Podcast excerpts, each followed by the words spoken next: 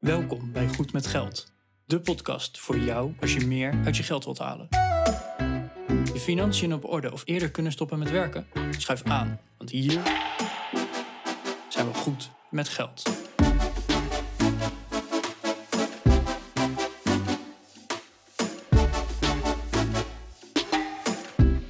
Aflevering 159 van de Goed met Geld podcast.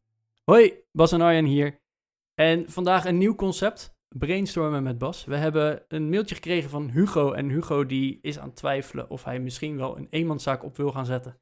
Uh, hij heeft nu al een side hustle één dag in de week en ja, heeft gewoon veel vragen en twijfels daarover.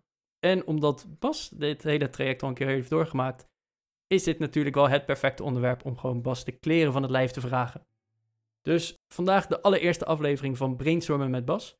Wil je nou ook een keer mij of Bas alles vragen over een bepaald onderwerp of gewoon een keer een toffe podcast opnemen? Dat kan natuurlijk. Contact ons even via goedmetgeldpodcast.nl slash contact. En uh, de show notes van vandaag, die vind je op goedmetgeldpodcast.nl slash 159. Heel veel luisterplezier.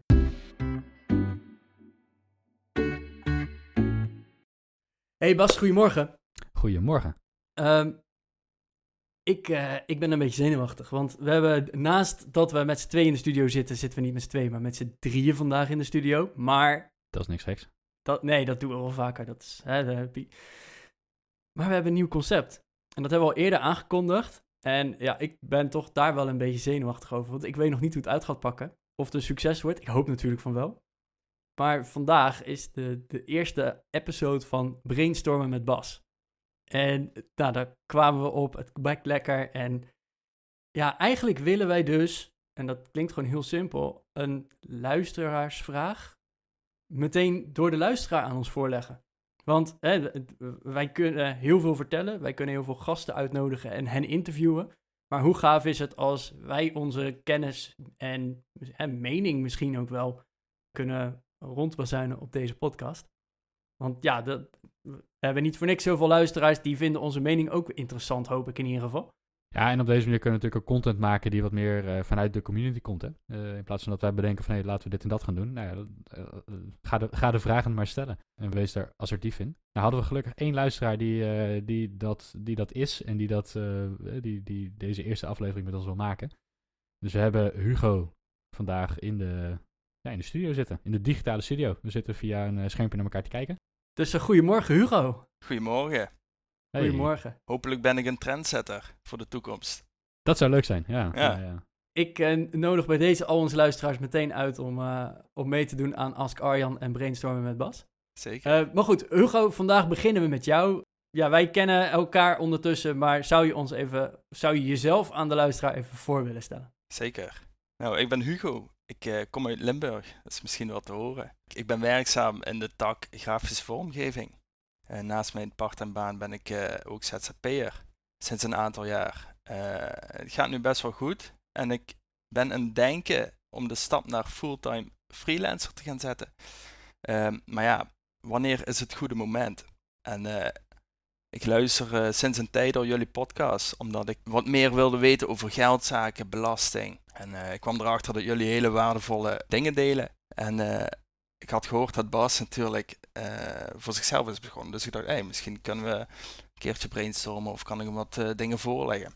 Ja, leuk. Ja, want we hebben, het, het wordt niet voor niks heel vaak in de show genoemd. Bas die is voor zichzelf begonnen. Die, we, we zijn allebei in loondienst geweest. Ik ben nog steeds in loondienst, maar Bas die heeft op een gegeven moment de sprong in het diepe gewaagd om voor zichzelf te beginnen. Hij is ZZP'er geweest.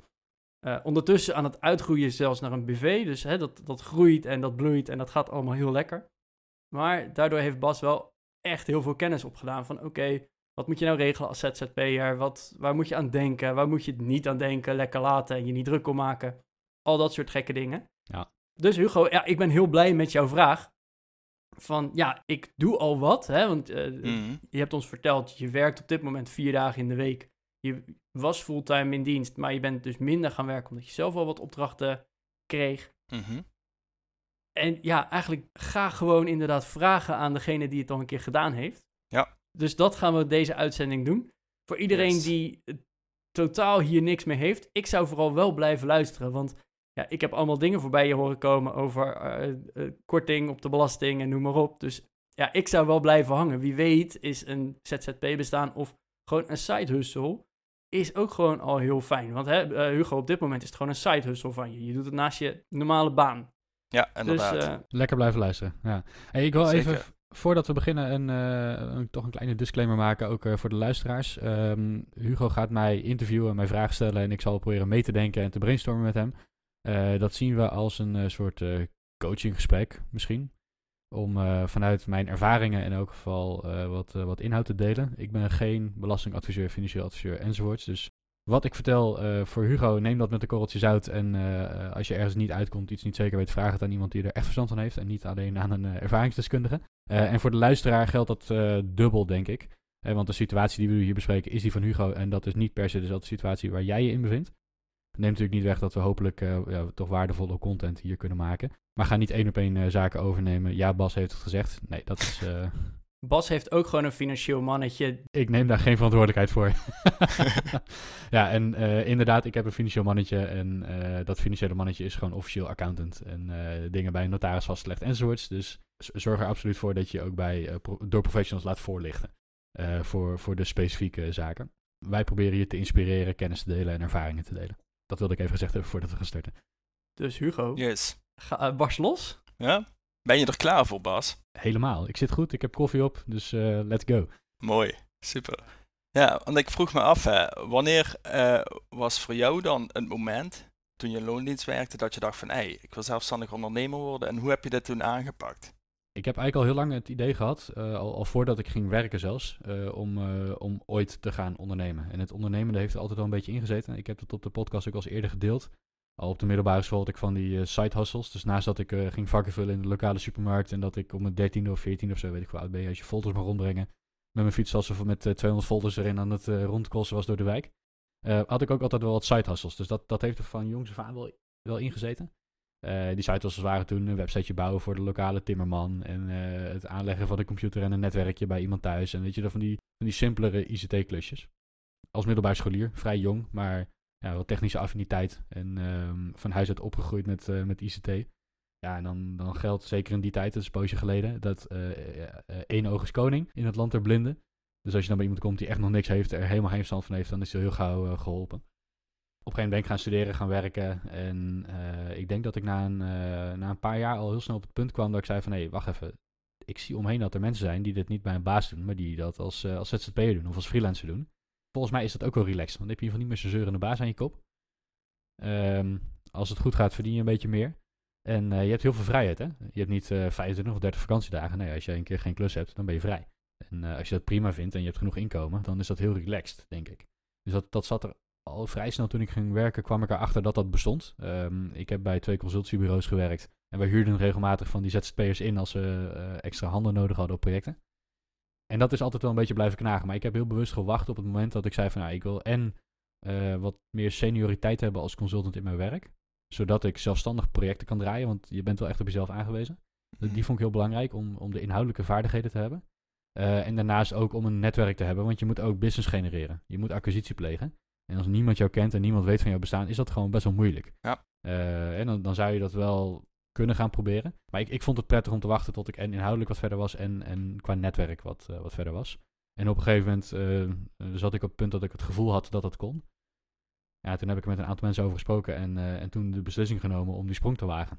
En een goed betaalde baan op te zeggen. En van het ene, ja, het ene op het andere moment heb je gewoon geen inkomen, geen werk meer. En dan moet je het zelf gaan doen. En Mhm. dat is best wel goed bevallen. Mooi. Ik, ik ben er wel meteen benieuwd, Hugo. Want hoe zit het bij jou? Want jij doet dit al een dag in de week. Mhm. Als side hustle. Wat, wat maakt het voor jou dat je nu toch deze stap aan het overwegen bent dit in, ieder, in ieder geval? Ja, ik heb eh, een aantal, zeg maar, ik ben grafisch vormgever. Ik heb een aantal banen gehad. En ik had wat eh, Bas ook zei, vroeger altijd wel het idee van, hé, het lijkt me eigenlijk wel tof om ooit iets voor jezelf te beginnen. Mhm. En ehm, op een gegeven moment toen eh, ik klaar was met mijn studie, aan de studie visuele communicatie in Maastricht, toen had ik geen baan. En ik wilde een baan krijgen, maar door eh, mijn portfolio uit te breiden, wilde ik eigenlijk ehm, mezelf blijven verdiepen in de nieuwe ontwikkelingen van het grafische vormgeven. Dus ben ik een aantal challenges gaan doen en die ben ik eh, online ben ik die, gaan delen op social media platformen. En op een gegeven moment heb ik een volgersgroep opgebouwd. En toen merkte ik dat de vraag bij mij kwam van, hey, eh, van verschillende bedrijven of mensen. Ja. Van, hey, we willen een logo, kan jij ons daarbij helpen? Dus op een gegeven moment toen heb ik eh, me ingeschreven bij de KVK. Dat is volgens mij in 2018 geweest. En eh, tot en met nu heb ik daar een aantal ja, opdrachten voor gedaan als freelancer. En een tijdje geleden ben ik begonnen met digitale producten te verkopen en op te zetten. En die beginnen nu ook te lopen. En daardoor, doordat ik die passieve inkomstenbron heb, heb ik nu eigenlijk het idee van, hey, het, de stap is mogelijk, omdat ik nu een soort van vaste inkomsten krijg. Ja. En ehm, ja, daarom is dat idee bij mij gaan spelen van, hey, eh, hoe moet ik dat dan allemaal gaan aanpakken met, eh, hè, als eh, freelancer? En wat moet ik regelen? En eh, welke ondernemersvorm moet ik hebben? Ja, dat wist ik, dat weet ik nu dan wel. En ik weet, Bas, jij bent ook begonnen als ZZP'er, hè? Ja, dus even een, een klein misverstand uit de wereld helpen. Dat is een, eh, een, een, een pet peeve van mij. eh, dat mensen zeggen van ja, ik, eh, mijn ondernemingsvorm is ZZP'er. Dat Ja, wil ik even klopt. rechtzetten. je kunt een Klopt. eenmanszaak zijn of een Ja. VOF of een BV of nou, er zijn nog wat andere vormen. Ehm, maar eh, je- kunt ook prima als BV een ZZP'er zijn en als VOF met z'n drieën ZZP'er zijn. Dat kan ook prima. En Een ZZP'er is gewoon een, een zelfstandig professional eh, die geen personeel heeft. Ah, zo. In een eenmanszaak kun je personeel hebben en in een BV kan- is het mogelijk dat je geen personeel hebt. Dus alles eh, is mogelijk wat dat betreft. Ah, Oké. Ehm, je bent een eenmanszaak of een BV of misschien een, een VOF als je een soort samenwerkingsverband hebt. Ehm, dat is zo'n jeuk eh, dingetje bij mij. Dat je, ik ben ZZP'er. Nou, ja. eh, dat valt mee. maar ehm, eh, nee, jij bent begonnen, al- of je, je hebt een eenmanszaak, want je vertelde dat je in 2018 al bent ingeschreven. ja, klopt. Ja, en dat, en dat is prima natuurlijk ook. hè. Je hebt een KVK-nummer, je hebt als goed is ook een, een BTW-nummer. Ja. Je doet BTW-aangifte over de opbrengsten die je hebt. Nee, dat niet. Oh, dan val je nog in die regeling dat je, dat, je dat niet hoeft te doen. Ik zit in de core-regeling, de Ja, kleine ja, de ondernemersregeling. Ja. Ja, precies. Dus Ja. ehm, oh, dat als is ook wel relaxed. Ja. Als je dan een maximum hebt van 20.000 eh, eh, in een kalenderjaar, dan, mag je, dan hoef je geen BTW te regelen of eh, aan, te, aan te geven. Oh, dat, dat is wel relaxed inderdaad. Dat, eh, Mm. dat, dat scheelt weer wat, wat administreren vooral. En, Ja. je hoeft geen betere aangifte te doen en zo. Mm. Nee, ja, heel goed. Ehm, kijk, het is, het is heel simpel. Ik, ik kan niet zo makkelijk adviseren natuurlijk van je moet een eenmanszaak hebben of een BV hebben als je voor jezelf begint of als je fulltime gaat, gaat ondernemen. Ik denk dat een eenmanszaak zeker als parttimer met, met een kleine omzet heel fijn is. Omdat je gewoon, je hebt van een eenmanszaak gewoon geen gedoe. Dat, dat, dat is vooral makkelijk. Ja. Eh, de eenmanszaak bestaat verder als entiteit ook niet. Hè. Jij bent de eenmanszaak. Eh, je moet een administratie bijhouden, eh, zodat je aan het einde van het jaar aan de Belastingdienst kan vertellen, kijk, dit is wat ik heb verdiend. En Mhm. that's it. Dat zo, zo simpel is het. Als je heel veel gaat verdienen of als je risico's gaat nemen die je wel die je los wil koppelen van je privévermogen, dan is een BV interessant. Ja. En dat, dat kan een van beide of, of allebei zijn. Hè. Als je meer dan, eh, meer dan een bepaald bedrag aan winst maakt, dan, dan wordt het op een gegeven moment fiscaal gezien interessant eh, om, om naar een BV te gaan. En juridisch gezien is het interessant als je zegt van ja, ik neem risico's eh, die kunnen leiden tot een faillissement. En als ik dat in Mhm. mijn eenmanszaak heb, dan komen ze ook mijn privévermogen ophalen. Ja. Dus als dat in een BV zit en de BV gaat failliet en je hebt geen fraude gepleegd of geen mismanagement gepleegd, hè, het zijn Mm. normale bedrijfsrisico's waar je failliet aan gaat, dan, ehm, dan kan je die BV in principe failliet laten gaan. Dat doet pijn, dat is vervelend, kost geld. Eh, maar dan eh, komen ze niet ook nog je privébezittingen eh, meenemen in, in die aansprakelijkheid.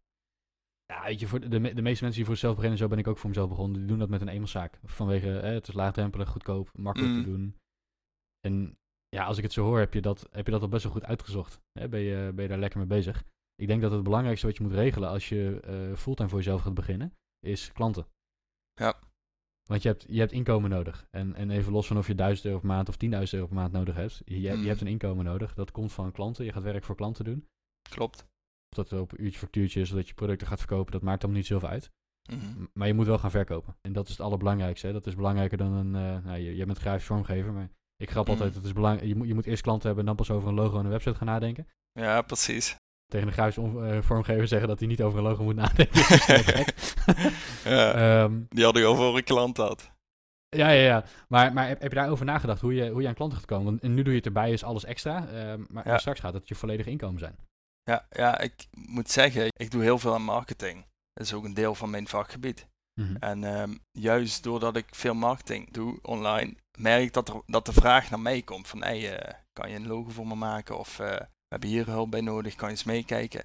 En dan ga ik gewoon met hun, eh, probeer ik dan de samenwerking aan te gaan om er een project of een opdracht uit te halen waar ik dan aan kan werken. En ik denk dat wanneer ik, ehm, zeg maar wat ik op het begin al zei, me blijf verdiepen in de nieuwe ontwikkelingen binnen het grafische vormgeving. En ik blijf dingen creëren en ik zet het online. Dan verwacht ik dat, er, dat de klanten blijven komen. En eh, ik denk dat dat naast mijn passieve inkomstenbron voldoende is om daarvan te kunnen leven. Mhm. Ehm, maar mocht dat niet zo zijn, dan moet ik gaan netwerken of echt acquisitie gaan plegen. Dan zou ik denk wat netwerkborrels of zo, een eh, digitale netwerkborrels nu waarschijnlijk in Nederland moeten gaan eh, bezoeken. Ja, Maar ik denk, voor mijn vakgebied, ik merk dat de klanten eh, in Amerika, dat die meer waarde inzien van het creatieve gedeelte, hè, eh, Mhm. van de, de merkidentiteit, dan de bedrijven in Nederland. Dus die hebben meer te bieden. Dus eigenlijk wil ik een beetje in die, in die markt van Amerika en, en toch wel die buitenlandse eh, landen blijven zetten. ja. Ja. want, want doe je dat nu ook al? Ik heb nu ook al een aantal, of ja, ik heb voor een aantal klanten gewerkt uit eh, Amerika, Zuid-Amerika. Binnenkort begin ik voor iemand in Zweden. Ik heb voor een, in Euro- binnen Europa voor een aantal eh, klanten gewerkt. Mhm. Oké. Ja. Top. Ja, en eh, op ons lijstje stond dingen regelen inderdaad. En eh, Bas heeft al heel goed aangegeven, voordat jij je bedrijf gaat beginnen, moet je zorgen dat je klant hebt. Dat moet je regelen. Mhm. Maar de vraag die jij had is volgens mij nog een stuk breder. Van over dingen regelen. Leg uit, wat wil je weten van Bas? Ja, welke zaken moet je eigenlijk niet vergeten als freelancer, zeg maar? Ja. ja, even ervan uitgaande dat, dat je al werk hebt, hè? want hè, je, je genereert best wel werk vanuit jouw eh, marketingactiviteiten nu al. Dus ik denk als je daar fulltime aan, aan bezig gaat, dat dat makkelijker wordt. Dat dat, dat dat wat meer zal worden. Eh, je hebt dan ook meer nodig, maar het, het klinkt alsof dat eh, op de rit staat. Ja, je, je moet sowieso je, ehm, je bedrijf goed gaan administreren. Ehm, heb je daar nu een boekhoudpakket voor? Of, of een, een boekhouder misschien die, eh, die, die zaken voor je doet? Ja, ik heb een bekende, die is, die is ook boekhouder. Ja. En hij doet dat voor mij, neemt hij dat mee met de loonsbelasting eh, Ah ja. opgave. Ja. En heb jij ook, eh, is dat een, eh, een online eh, software of zo waar, je de boekhouding, waar hij de boekhouding voor jou in doet? ja, hij heeft me toen door tijd een Excel-bestandje doorgestuurd. En daar hou ik zeg maar de administratie bij, de boekhouding. Ja. En hij werkt daar weer mee als hij dat moet indienen. Ja, dus dat is de, je inkoopfacturen, je Ja. eh, dat soort zaken. Ja, Ja, precies. Ja, waar je rekening mee moet houden is, eh, je, je kunt dat op die manier blijven doen. Hè. Je mag het ook op een, op een blaadje schrijven in principe. Ja, En, inderdaad. eh, op zich, op zich er, er zijn geen regels natuurlijk dat je dat in software moet doen. Mhm. Eh, waar je denk ik, waar je over na zou kunnen denken is dat als je, eh, als je fulltime gaat ondernemen, wordt je bedrijf wat groter. Hè. Je gaat meer facturen sturen hopelijk, omdat je meer Mhm. klanten krijgt. Eh, je gaat misschien investeringen doen, je wil een laptop kopen. Eh, dat zou een zakelijke uitgave kunnen zijn waarop je gaat afschrijven vervolgens. Dus je, moet- je moet wat meer gaan administreren. Dat zou ik even met, eh, met, met je mannetje, tussen quotejes, Ja, eh, ja. bespre- bespreken hoe je dat gaat doen. Ja. Eh, da- daar zou ik even goed over nadenken. Ik denk ook dat je naar de Belastingdienst moet om aan te geven dat je uit de kor gaat. Op het moment dat je boven die, Ja. die vrijstelling van 20.000 komt. Als het goed is, ja, als je boven die 20.000 komt, moet je de eerstvolgende factuur moet je al met BTW zeg Ah, ja. maar de deur uit doen. Ah, oké, precies. Dus dat, dat, heb je al, dat heb je al uitgezocht. Ja. Oké, dus dat betekent eigenlijk dat stel dat je dit jaar voor jezelf begint, dat je de eerste 20.000 nog zonder BTW doet en dat je daarna ehm, een factuur met BTW stuurt. Ja. Dan moet je daarna ook BTW-aangifte gaan doen. Ja, inderdaad. Eh, ik weet niet of je een BTW-nummer hebt, dat soort dingen, die heb je dan wel nodig. Ja, die heb ik wel gekregen, alleen eh, ja, maak ik nu geen gebruik van dan. Nee, precies. Nee, oké. Die, die zijn even belangrijk. Ehm, en, en ik denk wat je van tevoren ook wil regelen, is eh, voor jezelf een overzichtje met wat je nodig hebt. Even, eh, we zijn een financiële podcast, we hebben het over persoonlijke financiën, Ja. meestal.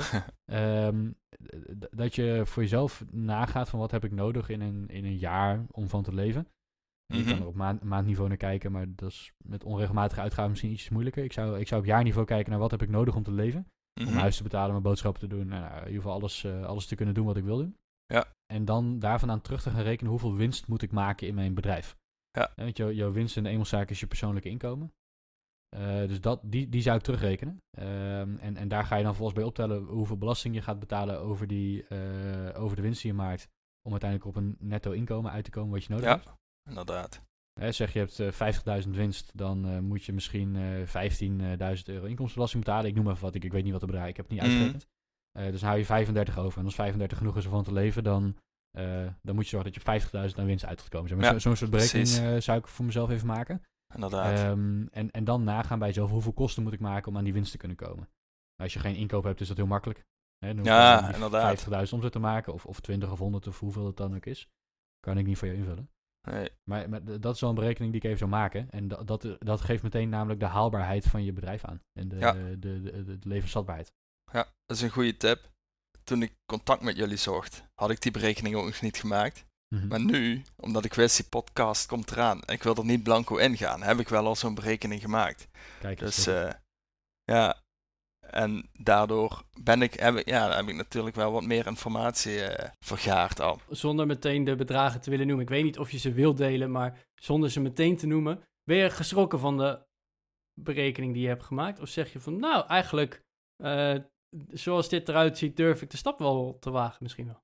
Het heeft me wel meer zekerheid gegeven om juist wel die stap te durven zetten. Ja, Want eerst wist ik niet van oké, hoe moet je dan, eh, hoeveel moet je dan afdragen? En dan vraag je dat wel eens aan iemand. Ja, je moet zorgen dat je 30% opzij zet van de omzet die je maakt. Maar ja, je weet niet zeker hoeveel je nou daadwerkelijk overhoudt. En eh, toen ben ik dat wel gaan uitrekenen. En me even erin verdiept. En ik ben er eigenlijk niet van geschrokken, want ik verwacht, ik had altijd verwacht, oké, eh, in de eerste belastingsschaal betaal je 37% aan eh, belasting. Mhm. Oh, dan zou je wel bijna niks meer overhouden, dacht ik. Maar uiteindelijk heb je wel nog wat eh, kortingen wat je natuurlijk waar je van je kan genieten en, en wat voordelen. Dus ehm, Ja, de netto belastingdruk is wel wat lager, denk ik. Ik. Ik weet niet over wat voor inkomen we praten. Het maakt natuurlijk uit of je het over 20.000 per jaar of 200.000 per jaar hebt. Dat, dat maakt voor je Mm. Ja, belastingdruk best wel een verschil. Maar, maar het is inderdaad wel zo, als je in, in die eerste schijf zit, en zeker als je wat lager in de eerste schijf eh, nog zit, dat loopt Mm. tot- de 70.000 of zo, geloof ik. ja, Die ja, eerste schijf. nee, ja 70, 69.000. eh, Oh ja, ja. Ja. Dus eh, zeker als je een beetje in het begin eh, van die schijf zit, qua inkomen, als je tot de 40 of 50k per jaar, ja, dan, dan is je netto belastingdruk vrij laag. Omdat Klopt. je je, al je heffingskorting en dergelijke, die je in loondienst ook hebt, die krijg je. Mhm. Ja. Daarnaast heb je nog een zelfstandige aftrek. Dat is geen vetpot, maar dat helpt natuurlijk wel mee. Dat is wat korting die je krijgt. ja, Eh, je, krijgt nog een MKB winstvrijstelling. 14% Mhm. van de winst waar je geen belasting over betaalt. Ja. Dus dat maakt dat je uiteindelijk een netto belastingdruk best wel, best wel laag is als je wat minder Ja. verdient. En dat is prettig. Ja. En je hebt nog de startersaftrek. eh, die Ja. je drie keer binnen de eerste vijf jaar gebruik van kan maken. Ja. Dus Ja, eh, let daarbij op, want je geeft aan dat je al vanaf 2018 bent ingeschreven. ja, Ehm, dus die, die- hè, je zit dan nu in je vierde jaar, of in je vijfde jaar zelfs. ja? Nee, Ja, toch? a- 18, 18, 19, 20, 21 en dit is dan 22 het vijfde Ja, oké. Ja, dus, Oh ja. ehm, dus, dus let daar even mee op. dat is al bijna voorbij.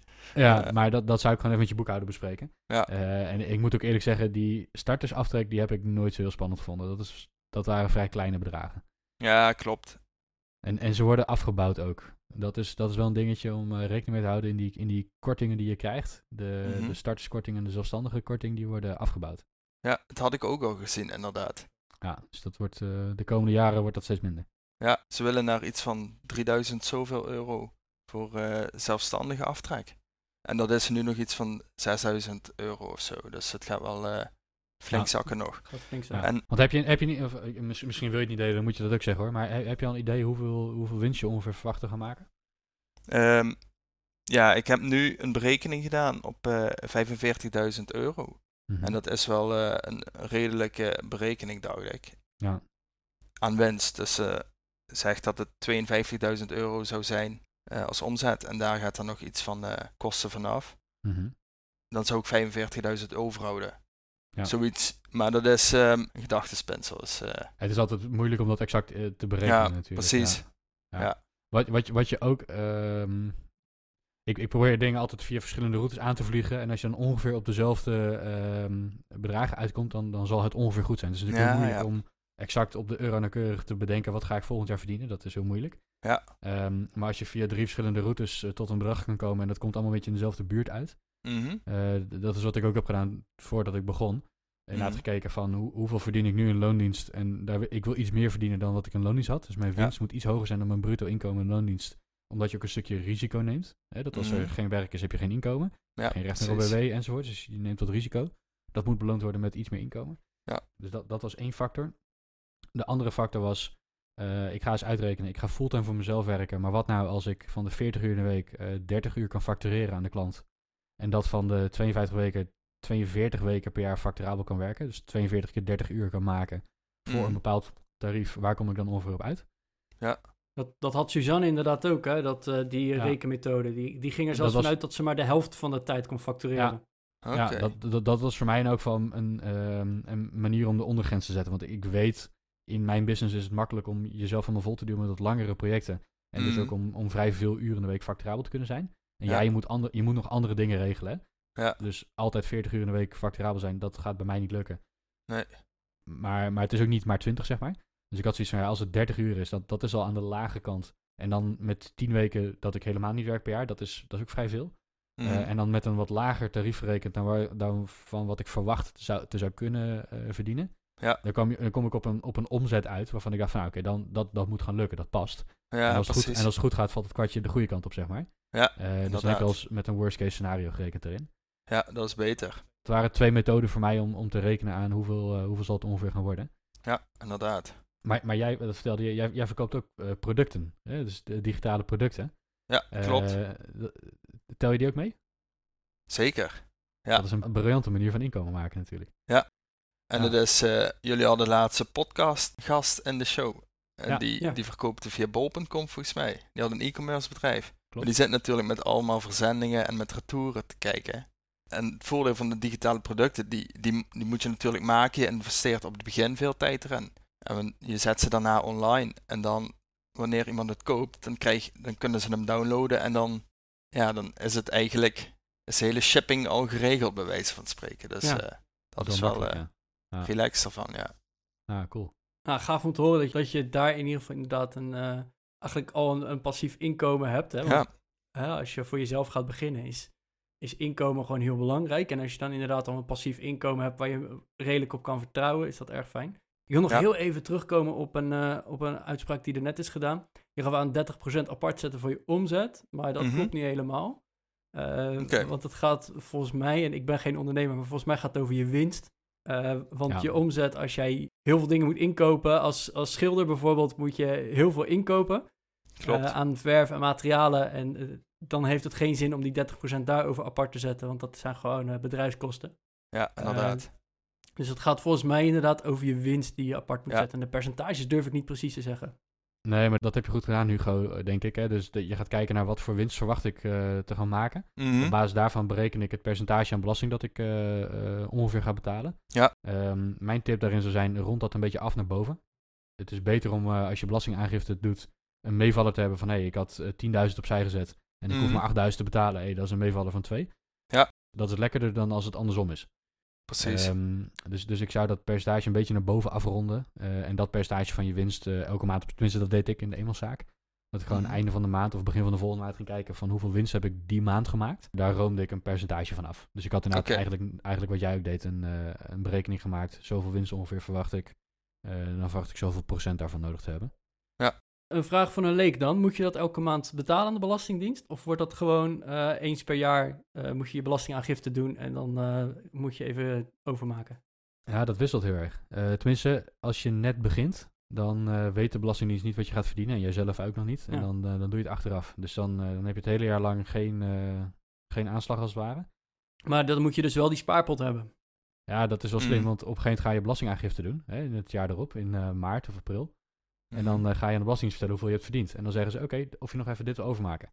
En dan is het wel handig als je dat eh, ook hebt staan. Ja. Ja.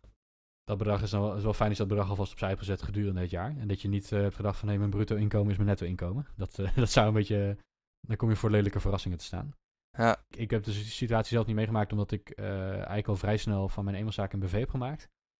Eh, dus ik heb maar twee keer als eenmanszaak aangifte gedaan. Eh, maar mensen die dat langer doen en daar een bepaald patroon in ontstaat, hè, elk jaar zoveel winst ongeveer, dan ga je op moment voorlopige aanslagen van de Belastingdienst krijgen dat je maandelijks mag eh, betalen. ja oké. En dan ga je dus vooraf al een stukje betalen. En achteraf ga je aangifte doen en vertel je, ik heb dit verdiend. En dan zeggen zij, oké, dan had je dit moeten betalen. Dat verrekenen met wat je al betaald hebt, dan krijg je wat terug of je moet wat bijstorten. Ja, ja.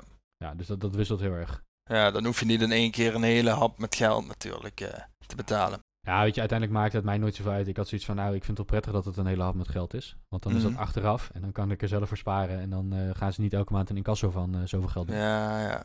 Dus op zich vond ik dat niet zo'n probleem. Alleen dan moet je wel de discipline hebben dat je er ook echt voor spaart en dat dat spaargeld niet aanraakt. Je moet het Ja. echt beschouwen alsof het niet van jou is. Ja, precies. Eh, want, je- want je moet het echt wel gaan betalen, ja. Had je dat geautomatiseerd? Niet letterlijk geautomatiseerd, maar wel... Ik had al standaard terugkerende taken in mijn agenda eh, op de zoveelste of- de eerste werkdag van de maand of zo, weet ik veel iets hoe ik dat ook weer had gedaan. Ehm, met vaste percentages de B2 opzij zetten. Ja, oké. Maar ik had dan zo'n online boekhoudpakket en die gaf aan van dit is de B2 die je moet afdragen.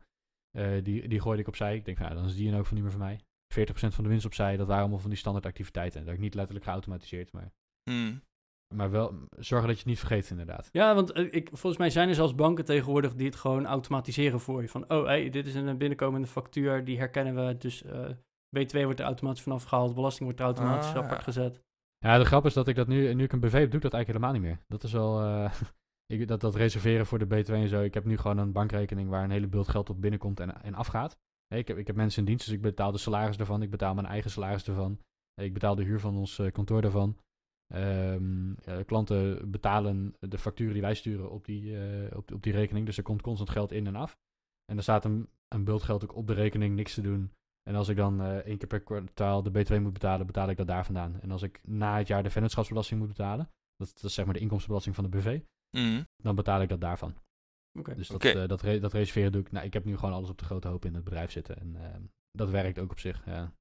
Ja, je hebt geen potjes meer, zeg maar, waar je alles in eh, apart zet. Nee, Had je die wel, zeg maar, toen je ZZP'er was? ja, zeker. Ja, ja. Alleen waar ik. ehm, mijn ervaring ermee was dat, dat je best wel met geld aan het schuiven bent. En dat het eigenlijk niet zo heel veel uitmaakt als je een goede administratie voert. Want, Ja. want je boekhoudpakket, eh, eh, of dat nou in Excel is of dat je dat in, in een software doet. ehm, als het goed is, geeft dat pakket al aan. Dit, de, de- zoveel B2 moet je gaan betalen op basis van wat je aan inkoop en verkoop hebt gehad. Mhm. En, zo, en zoveel winst heb je gemaakt. Dus, dus dan moet je bepaalde inkomstenbelasting of vennootschapsbelasting voor gaan betalen. Ja. Ja, dan, dan maakt het niet zo heel gek veel eh, uit. En dan, dan staat het daar al in. Klopt. Dan moet, je, niet- dan moet je niet de hele bankrekening leegtrekken voor privédoeleinden natuurlijk. En dan later... Dat is het gevaar misschien. Ja, Nee, want dat is het dus als je dus een, een grote uitgave wil doen of een investering of eh, weet ik het wat. Dan moet je dus niet op je bankrekening gaan kijken van staat daar genoeg geld? Want ja, daar staat waarschijnlijk genoeg geld. Maar dan moet je ja. dus in je boekhoudpakket gaan bekijken van... hey, zou ik volgens mijn boekhouding daar genoeg geld Ja. voor hebben? Ja welke, precies. welke verplichtingen heb ik dan nog inderdaad? Ja. ja. Oké. Ja. Mooi. En ehm, we hadden toen, toen straks hadden we het ook over de zelfstandige aftrek, hè? Die krijg je wanneer je als freelancer dus eh, meer of meer dan 1225 uur werkt. Hoe moet je dat, hoe hou jij de, je uren bij? En, en hoe moet je die eigenlijk, hoe moet je dat aantonen bij de Belastingdienst dat je zoveel uren maakt? Nou, de, de, de grap bij de Belastingdienst is, eh, en dat, dat vind ik nog steeds heel bijzonder, achteraf snap ik het wel, eh, je hoeft in principe niks aan te tonen. Jij vertelt de Belastingdienst hoeveel geld zij van jou krijgen. Mm. Mm. Want jij vertelt, ik heb dit verdiend. Dit was mijn omzet en mijn winst en ehm, je, je moet Ja, je balans oké. opgeven en dat soort dingen. En dan vragen ze aan je, heb je 1225 uur gewerkt, ja of nee? En dan zeg je ja of nee. Oké. Dat geef jij aan. En pas als je controle krijgt, moet je het kunnen bewijzen. Dus het is niet zo dat jij constant dat moet aantonen. Eh, dat, dat is alleen als er controle komt. Ah, ja. Nou, met de huidige, eh, het huidige gedoe bij de Belastingdienst verwacht ik niet dat ze heel veel tijd hebben om de kleine zelfstandigen te pesten met controles. Nee, Ehm, precies. ik, ik, ik heb hem er ook van nog niet gehad. Ik, ik ken best wel veel ondernemers die hem de eerste paar jaren ook nooit hebben gehad. En die misschien één keer in de tien jaar een keer een bezoekje krijgen. Mm. Ehm, eh, dat is natuurlijk geen reden om te gaan zitten sjoemelen en viezelen ermee. Eh, ik, ik zou het wel zorgen dat je het kunt aantonen en dat je dingen goed administreert. En wat je eigenlijk daarvoor moet doen is een, eh, een urenadministratie bijhouden. Ik heb vanwege het bedrijf dat ik heb een projectadministratie. Ik dra- Ik draai projecten voor klanten en ik factureer de uren die wij maken op die, op die projecten. Mhm. Dus ik moet, om te kunnen factureren, moet ik al uren bijhouden van, mij Ja. van, mijn, van mijn medewerkers. Ehm, en dat is meteen ook naar de Belastingdienst toe het, eh, het bewijs van, kijk, dit is hoeveel ik heb gewerkt. Precies. En dat kan een, pro- een, een pro- project voor klant A, een project voor klant B, een project voor klant C eh, zijn. Maar dat kan ook zijn, ik ben met de boekhouding bezig geweest, ik ben met sales Mm. marketing bezig geweest. Ik heb, nou weet ik veel, er zijn andere activiteiten natuurlijk dan het, Ja. het specifieke klantwerk. En dat mag je allemaal meetellen. En hoe hou je die uren dan bij? Eh, die schrijf ik ook gewoon in de projectadministratie. Dus ik heb een project in- interne activiteiten. Ah, ja. Daar, daar, schrijf, daar schrijf ik in. Ehm, ik, ik meen dat het in een BV hoef je die uren niet meer zo strak bij te houden, omdat je die aftrekpost, die zelfstandige kortingen zo, die heb je niet. Ja, precies. Uh, dus, dus daarvoor hoef ik het niet meer te doen. Maar ik, ik moet het doen omdat ik natuurlijk die uren wil doorbelasten aan de klant uiteindelijk. Oké, okay, helder. Voor de eenmanszaken is het wel van belang om, uh, om aan te tonen dat je die korting krijgt. Ja. En ik denk ook dat de Belastingdienst daar gewoon slim naar kijkt. Op het moment dat zij weten van hé, hey, uh, je hebt een fulltime dienstverband of je werkt 32 uur per week. En je gaat vervolgens ook voor de zelfstandige aftrek omdat je zoveel uren hebt gemaakt. Dat kan niet. Nee, sterker nog, er is nog een regeltje voor. Het moet niet alleen die 1200 zoveel uur zijn. Het moet ook um, de activiteit in jouw werk, samen leven zijn waar je de meeste tijd aan besteedt. Dus als je daarnaast een baan hebt waar je meer Ah, uren aan besteedt, dan, dan telt hij niet. Ja, nou, kan je nagaan. Dus Je kan daarnaast wel een baan hebben, maar dan moet je minder dan, moet, daar moet je minder tijd aan besteden dan aan je eigen bedrijf. ik denk dus dat de Belastingdienst daar gewoon wel slim naar kijkt. Eh, daar zullen ze vast allemaal algoritmes voor hebben. Maar op het moment dat jij een salarisstrookje ook nog krijgt, of eh, ergens anders vandaan salaris, Mm. eh, dan is het logisch eh, dat het gek is dat je dan de zelfstandige aftrek bijvoorbeeld krijgt. Dus Ja. ik, ik denk dat je op die manier daar wel eh, ook gewoon heel reëel naar moet kijken. Ja. Ja, Nou, kijk, je hebt natuurlijk, voor, voorheen heb jij, eh, je doet het een dag in de week nu, eh, dat, dat freelancen. Ja. Dan, dan hoef je natuurlijk in principe die, ehm, die uren niet bij te houden. Want je, die korting krijg je toch niet, hè, of je je uren nou wel of niet bijhoudt. Precies. Dus dat is denk ik wel iets wat je, eh, wat je op moet gaan zetten. Dat kan ook simpel een Excel-lijstje zijn. Ik heb op deze datum heb ik dit gedaan en zoveel uur. Ja. That's it. That's it. Ja, ik heb nu, eh, laatst heb ik Toggle ge gedownload. Dat is blijkbaar ook zo'n online tool waarmee je ook projecten kunt aanmaken en dan eh, waar je zeg maar tijd onderweg kan boeken. En die kan je dan gewoon aanklikken in de hoek van je scherm en als je klaar bent stop je hem en dan kan je Oh ja. volgende projecten bijvoorbeeld eh, aanvinken. Oh ja, Zo kan je er ook tussen switchen. Ah, cool. slim. Ja, oké. ehm, en Bas, ehm, natuurlijk heb je onder de streep als netto inkomen. Hè? Eh, als eh, freelancer hoef je minder belasting te betalen.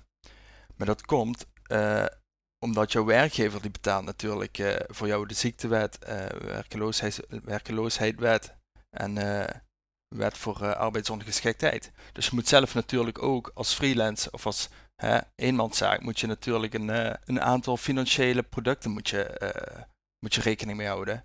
Hoe heb jij dit aangepakt toen jij als freelancer begon? Eh, ik heb wat, eh, wat gesprekken gevoerd met een financieel adviseur. En zelf veel gelezen. Eh, destijds, ik weet niet, er zijn plannen om dat te gaan veranderen. Maar destijds was het ook van niet verplicht om je te verzekeren voor arbeidsongeschiktheid. Volgens mij willen ze dat gaan aanpassen. Of is dat aangepast per 2022? Dat weet ik niet. Dat zou je even na moeten gaan. Mhm. Ehm, maar ik heb bijvoorbeeld geen arbeidsongeschiktheidsverzekering. Die heb ik niet gehad. En, en, en nu nog steeds niet. En en ik, ik twijfel ook sterk of ik die ooit ga nemen. Eh, ze zijn vrij duur. Om, eh, wat je eigenlijk doet is dat je je inkomen verzekert. Eh, mocht je ziek worden voor zoveel procent arbeidsongeschikt verklaard, dan ga je een bepaald inkomen krijgen. Dat inkomen kan je zelf kiezen. hè. Dus als je niet zo heel veel nodig hebt, kan je wat minder inkomen verzekeren. Dan betaal je wat minder premie. Ah. Ehm, en afhankelijk van het werk dat je hebt, kijkt de verzekeraar natuurlijk ook naar het risico. Als je als schilder constant op een stijger staat en je valt er vanaf, dan ben je hartstikke geblesseerd, kan je je werk niet meer doen. Dat risico is vrij groot. Eh, als Mhm. jij vormgever bent en je breekt je been en je kan nog steeds achter een laptop eh, logo's maken, Ja. ja. dan, dan, dan ben je wel geblesseerd, maar, maar niet arbeidsongeschikt. Hè? Dus dan is het risico dat je arbeidsongeschikt wordt kleiner, is je premie ook kleiner. Ja. Dus eh, daar zou je zelfs naar moeten kijken naar, naar hoe dat werkt en of je dat nodig hebt. Ik had Mhm. voor mezelf zoiets van, ja, ik heb een buffer, ik heb wat passief inkomen uit, eh, uit mijn beleggingen. Ehm, mijn vriendin werkt gewoon. Ehm, en we hebben vrij lage maandlasten, dus, dus ik, ik heb nooit echt een noodzaak gevoeld om een arbeidsongeschiktheidsverzekering eh, te nemen. Eh, dat, dat kan voor andere mensen heel anders zijn. Hè. Dit is geen, eh, geen financieel advies. Be- Bespreek het ook met een adviseur. Dat, dat lijkt me wel verstandig. Ja. Ehm, gewoon om, om, om jouw situaties door te rekenen. Ehm, en het zou dus kunnen zijn dat de overheid op een gegeven moment een soort verplicht AOV-fonds eh, gaat, eh, gaat aanstellen voor, eh, voor, voor ZZP'ers. Daar heb ik iets Mhm. van gehoord dat dat in de regeringsplannen staat. Wat ik hier aan toe wil voegen is eh, bijvoorbeeld voor de alle vrouwelijke luisteraars eh, is misschien ook wel goed om te weten als ZZP'er dat er ook gewoon zwangerschapsuitkering bestaat bijvoorbeeld. Dus op het moment dat je zwanger bent en inderdaad niet kan werken daardoor of rondom de bevalling, bij een werkgever krijg je volgens mij gewoon doorbetaald of in ieder geval een percentage doorbetaald. Maar als ZZP'er zijnde is er ook gewoon een zwangerschapsuitkering die je aan kan vragen op dat moment. Eh, dus daar hoef je dan niet een speciale verzekering of iets nog voor af te sluiten. Dat is gewoon allemaal wettelijk geregeld. Ja, en, en wat pensioenen betreft denk ik, ehm, ja, je, je moet niks regelen, maar je kunt wel van alles regelen. Dat is het een beetje. Wat wil je daar zelf in doen? Dat is de vraag. Ja, lijkt me wel handig toch? Voor als je later een keer uh, stopt met werken. Dat je dan wel iets hebt om van te kunnen leven. Ja, je kan het natuurlijk opzij zetten op een rekening. Een aparte rekening. Of je kan iets van uh, pensioen beleggen. Ja, je, je, hoeft natuurlijk later niet een pensioen te hebben. Uh, wat je wel moet hebben is dat als je later ooit een keer stopt met werken, dat je dan ergens van kan leven. Dat kan een inkomen zijn wat je dan hebt uit, uit een pensioen bijvoorbeeld, of uit andere beleggingen. Uh, of misschien heb je wel een hele grote spaarrekening waarvan je gaat leven en daar lekker op inteert. Je hebt, je hebt iets nodig om van te leven in elk geval. Uh, je, je, hebt niet per se een pensioen nodig. Het is, in sommige gevallen is een pensioen wel fijn. Niet in alle gevallen. Um, je kunt bijvoorbeeld um, met belastingvoordeel voor je pensioen sparen. Hebben wij een keer een aflevering over gemaakt. We zullen ook even een linkje in de show notes uh, droppen naar die aflevering. Um, maar op het moment dat jij gaat ZZP'en, als jij een, een eenmanszaak hebt, of ook als je een BV hebt en je regelt niks voor je pensioen verder, dan heb jij een uh, pensioengat. Want dan, dan heb je wel inkomen, maar geen pensioen. En mag je dus in, jouw in jouw jaarruimte, en die kun je uh, zelf berekenen of laten berekenen, met fiscaal voordeel sparen of beleggen voor je pensioen. En dat ja. hoeft niet per se bij een pensioenfonds, dat mag ook in een geblokkeerde pensioenrekening. Het kan een bankspaarrekening zijn, dat kan een beleggingsrekening zijn. Mm. Daar kan je dan geld in storten. Dan mag je de inleg onder voorwaarden van je inkomstenbelasting aftrekken. Dat vermogen ja. telt ook weer niet mee voor je box 3 vermogensrendementsheffing. En daar zitten dus allerlei voordelen aan, uh, waarmee je dus fiscaal aantrekkelijk voor later vermogen kunt opbouwen. Dat is wel mooi. Ja, ja, er zitten ook nadelen aan. Hè. Je kunt bijvoorbeeld niet eerder bij dat geld. Uh, op het moment dat je dat geld in zo'n rekening inlegt, is het ook voetzie. Ja, het is nog wel van jou, maar je kan er niks meer doen. Je, je kan er niet bij. Ja. Tegen die tijd kan je er pas mee doen. En uh, wat ik zelf heel vervelend vind, is dat je dan uh, de komende 30 of 40 jaar lang, als je nog jong bent, gaat zitten meedoen aan een spelletje van de overheid. Mm. Waarvan alleen zij eenzijdig de regels kunnen veranderen. Ja. Uh, maar jij hebt je wel op voorhand gecommitteerd dat je die, die tot aan je pensioenleeftijd eraan, aan het spel mee gaat doen. Ja. En die, dat vind ik spannend. Mm. Daarbij moet ik wel zeggen, ik heb wel een bepaalde basis in zo'n regeling gemaakt. Dus ik heb een bepaald bedrag in een geblokkeerde pensioenrekening staan, op een beleggingsrekening. Waarvan ik verwacht met compounding interest dat dat een, een bepaald bedrag gaat zijn op een pensioendatum. Mm -hmm. uh, wat genoeg is om minimaal van te leven. Ja. En voor de rest bouw ik zelf vermogen op in de BV en in privé. Precies. Dus zo'n pensioenbelegging daar hou je meer rendement aan over hè, wanneer je het in een goed fonds hebt zitten. Dan wanneer je het bij de bank op een rekening zet waarschijnlijk dat weet je met beleggen natuurlijk nooit. Maar de, verwacht, de verwachting op de lange termijn is, is, van wel. Ja. Maar je, je, kan ook zeggen van ik koop een bepaalde ETF. En uh, noem, we noemen als voorbeeld tot het VWRL. Hè. Dat is een mooie brief mm. bij de aandelen ETF.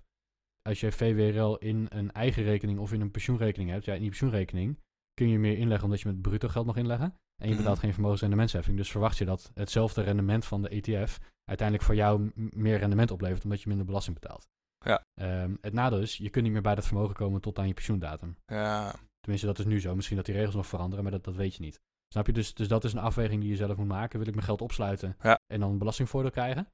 Mm. Of wil ik uh, dat belastingvoordeel niet hebben en het zelf opbouwen? Wat, wat wel een feit is, uh, er is niemand die voor jou iets gaat regelen als mm. ondernemer. Dus dat, moet je, dat, dus dat moet je zelf gaan doen. Ja, inderdaad. Moet je zelf uitzoeken. En zeker als ondernemer, uh, je gaat voor de vrijheid. Dus als je 50 dagen, vrije dagen per jaar wil, dan kan je dat zelf regelen. Als je er geen per jaar wil, kun je dat ook zelf regelen. Maar als je zegt, ik ben 50 of 55, ik wil stoppen, hè, dan mag je gewoon met pensioen. Alleen dat apart gezette geld voor je pensioen en in de pensioenpot gaat pas uitkeren op het moment dat jij je AOW-gerechtigde leeftijd hebt bereikt. Ja, je kan, het, je kan er vaak al een paar, vijf jaar eerder erbij of zo, maar dat, dat is afhankelijk van de wetgeving tegen die tijd. Daarom. Mm. En, en ja. dat is ook wel even, even belangrijk om mee te nemen. En als ZZP'er of hè, als, als eenmanszaak uh, mag je ook geld op jouw eigen rekening alvast reserveren om op een later moment erin te investeren.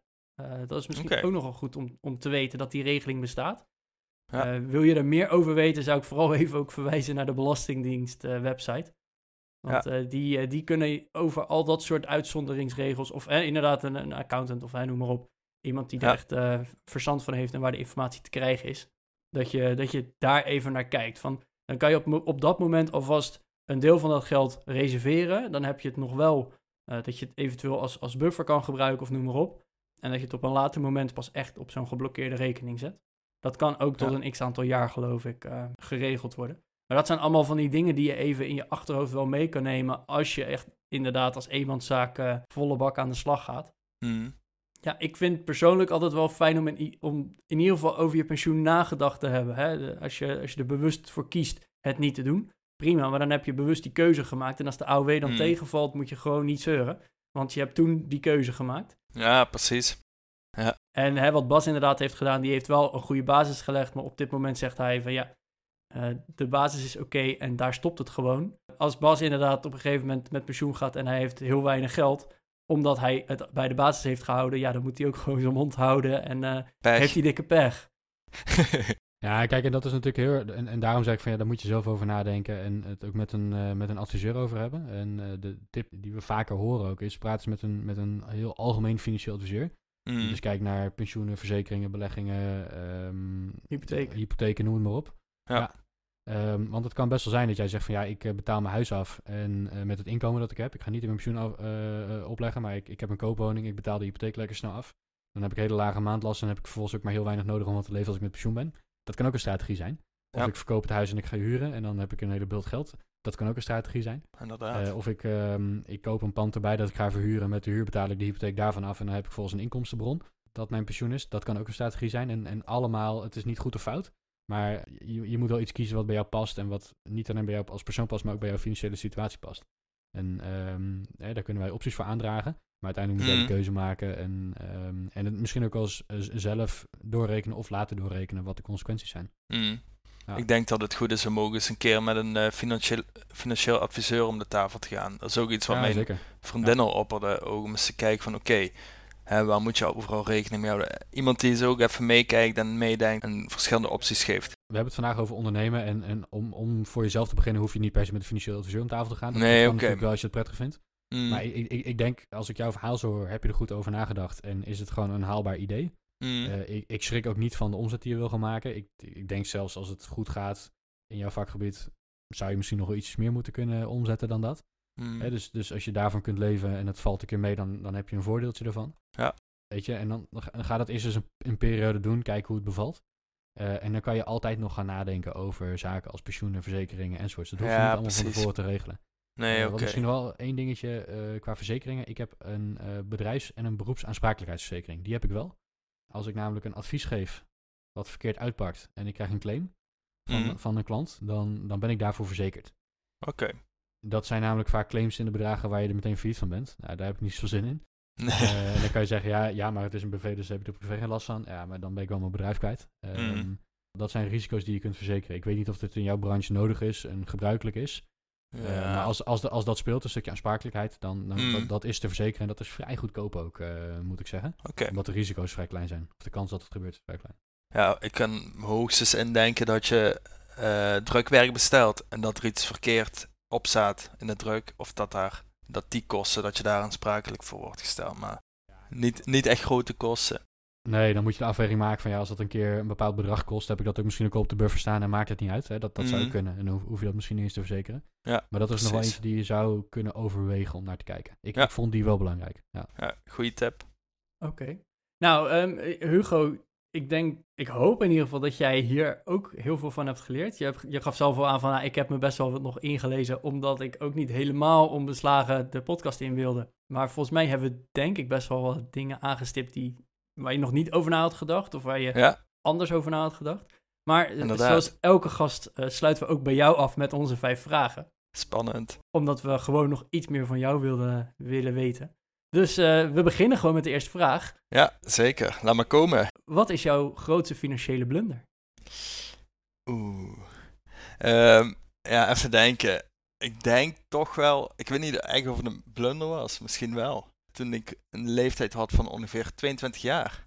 Toen eh, werkte ik bij de Jumbo. En omdat ik een van de oudste was, eh, ik werkte als vakkenvuller, kreeg ik nog maar één avond in de week. En eh, ik was eh, met mijn tweede studie bezig en die moest ik ineens zelf betalen. Ik heb nooit, eh, ik heb wel studie gehad, maar ik heb niet extra bijgeleend. En op een gegeven moment merkte ik dat ik gewoon niks meer op mijn bankrekening had. En dat had ik dan, dat hield een aantal weken vol. En daar had ik wel echt, ik weet niet, daar sliep ik niet goed van. En het voelde ook echt heel rot, die financiële stress. En ik denk dat mijn blunder is geweest daar, dat ik eigenlijk eerder naar een nieuwe baan had moeten uitkijken of zo. Iets waar ik wel, waar ik meer uren kreeg en waar ik wel waardeerd werd, zeg maar. Ja, en minder financiële stress had, uiteindelijk. Ja, Ja. precies. Oké, Ja, ook dat. Oké. Wat is iets dat je nu kan dat je vijf jaar geleden had willen kunnen? Ehm, ja, ik denk toch wel dat dat is. eh, ik heb me vorig jaar verdiept in het opzetten van een eigen webshop. En eh, ik ben me gaan verdiepen in passieve inkomsten. En ik denk als ik dat eerder al had gedaan, dan, eh, ja, dan kan het eigenlijk ook alleen nog maar uitbreiden en eh, meer worden. Dus eh, ik denk eh, dat. Oké. Oké. En eh, ja, we hebben het nu helemaal gehad over eh, je baan opzeggen en een eenmanszaak beginnen. Eh, Ja. Maar sta je daar over vijf jaar of denk je dat je ergens anders staat? Eh, ja, ik hoop dat ik over vijf jaar een eh, winstgevend bedrijf heb. Ik verwacht nog steeds ook als eh, een eenmanszaak. En ehm, ik hoop een gezond kind. En ik hoop veel tijd om aan mijn familie eh, en gezin te besteden. Mooi. Mooi, ja. Welke bron van informatie eh, zouden onze luisteraars moeten kennen volgens jou? Dat kan van alles zijn. Hè? Een eh, blog, een boek, een podcast, een YouTube-kanaal, noem maar op. Ehm, dan ga ik een persoon noemen, en dat is eh, Chris Do. En hij is ehm, van het YouTube... Ik weet niet, kennen jullie Chris Do? Nee. Nee. Oké, is een, eh, hij is van het YouTube-kanaal The Future. En daarin is The Future zonder E. Eh, hij heeft onwijs veel kennis eh, over onderhandelen en zaken doen binnen de creatieve branche. En hij helpt creatievelingen eigenlijk, dat is zijn doel, om creatievelingen te helpen om te kunnen leven van hetgene waar ze van houden. Eh, Ja. En hij deelt die kennis op YouTube, op Instagram, op Twitter, op Clubhouse, allemaal eh, platformen. Dus eh, is heel waardevol en heeft mij echt heel veel geholpen in mijn carrière tot nu toe. Ook inderdaad tot de mindset. Dat is wel, wel heel tof. Oké. Ja, zeker. En Hugo, de laatste vraag. Van, ja, wat is jouw advies aan onze luisteraar die denkt... Ja, ik werk nu in loondienst, maar ik wil ook graag gaan freelancen en een eenmanszaak beginnen. Wa- wa- wat is jouw advies? Waar moeten ze beginnen? Ja, mijn advies is eigenlijk hè, dat als je weet waar je van houdt en je, waar je passie ligt, om daar elke dag mee bezig te zijn. Kan een uurtje zijn, kan een avond zijn, eh, als je de tijd hebt. Eh, en dan bijvoorbeeld elke dag iets te creëren. Dus bijvoorbeeld een logo of een illustratie, maar het kan bijvoorbeeld ook een stukje schrijven of een blog bijhouden. Ehm, en dit, mijn advies is dan ook om dit online te plaatsen op verschillende social media kanalen, zodat je een soort van focusgroep kan opbouwen. En dan op een gegeven moment kan je merken dat het winstgevend zal zijn en kan je langzaam, kan je het langzaam verder uitbouwen. En wanneer je niet weet waar die passie ligt, hè, dan zou ik zeker eh, zorgen dat je zoveel mogelijk verschillende dingen gaat proberen. Dat je gaat kijken van, wat, wat trekt mij, wat ligt mij. Eh, alleen zo kom je er denk ik achter of je iets wel of niet leuk vindt. Hey, om eh, de tip even heel concreet te maken. Wat voor sociale media kanalen gebruik jij als eh, creatief eh, professional? ik zit voornamelijk op Instagram, ehm, op Behance en Dribbble. En ik maak ook wel veel gebruik van Pinterest. Oh ja. Ja.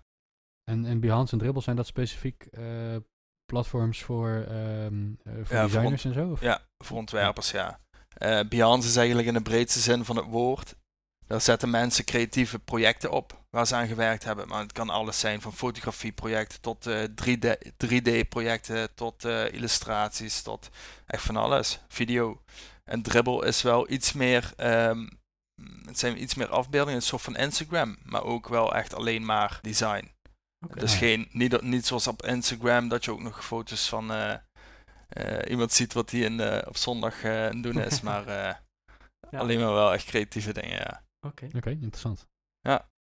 Hey, eh, Hugo, heel erg bedankt voor, jou, eh, voor je tijd en je goede vragen. Eh, ik denk dat je lekker bezig bent. Eh, je, je stelt de juiste vragen ook van, volgens mij heb je alles op een rijtje. Ehm, dus ja, ik zou zeggen, ga ze door de, de lichten staan op groen, Zeker. denk ik. Eh, ga ze Mooi. door. Ehm, en voor de luisteraars, ehm, ja, als je op zoek bent naar een grafisch ontwerper, ehm, stuur ons even een berichtje. Goedmetgeldpodcast.nl slash contact. Eh, en, en laat weten dat je met, eh, met Hugo in contact wil, eh, wil komen. Dan kunnen we jullie eh, verder in contact brengen.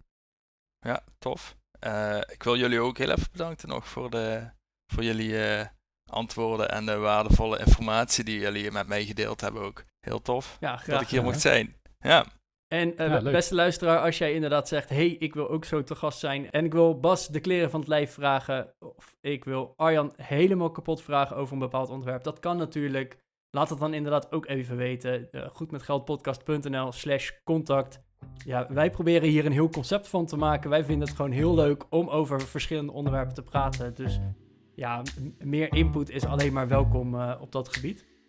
Eh, Hugo, nogmaals dank. En beste luisteraar, tot volgende week. Tot volgende week.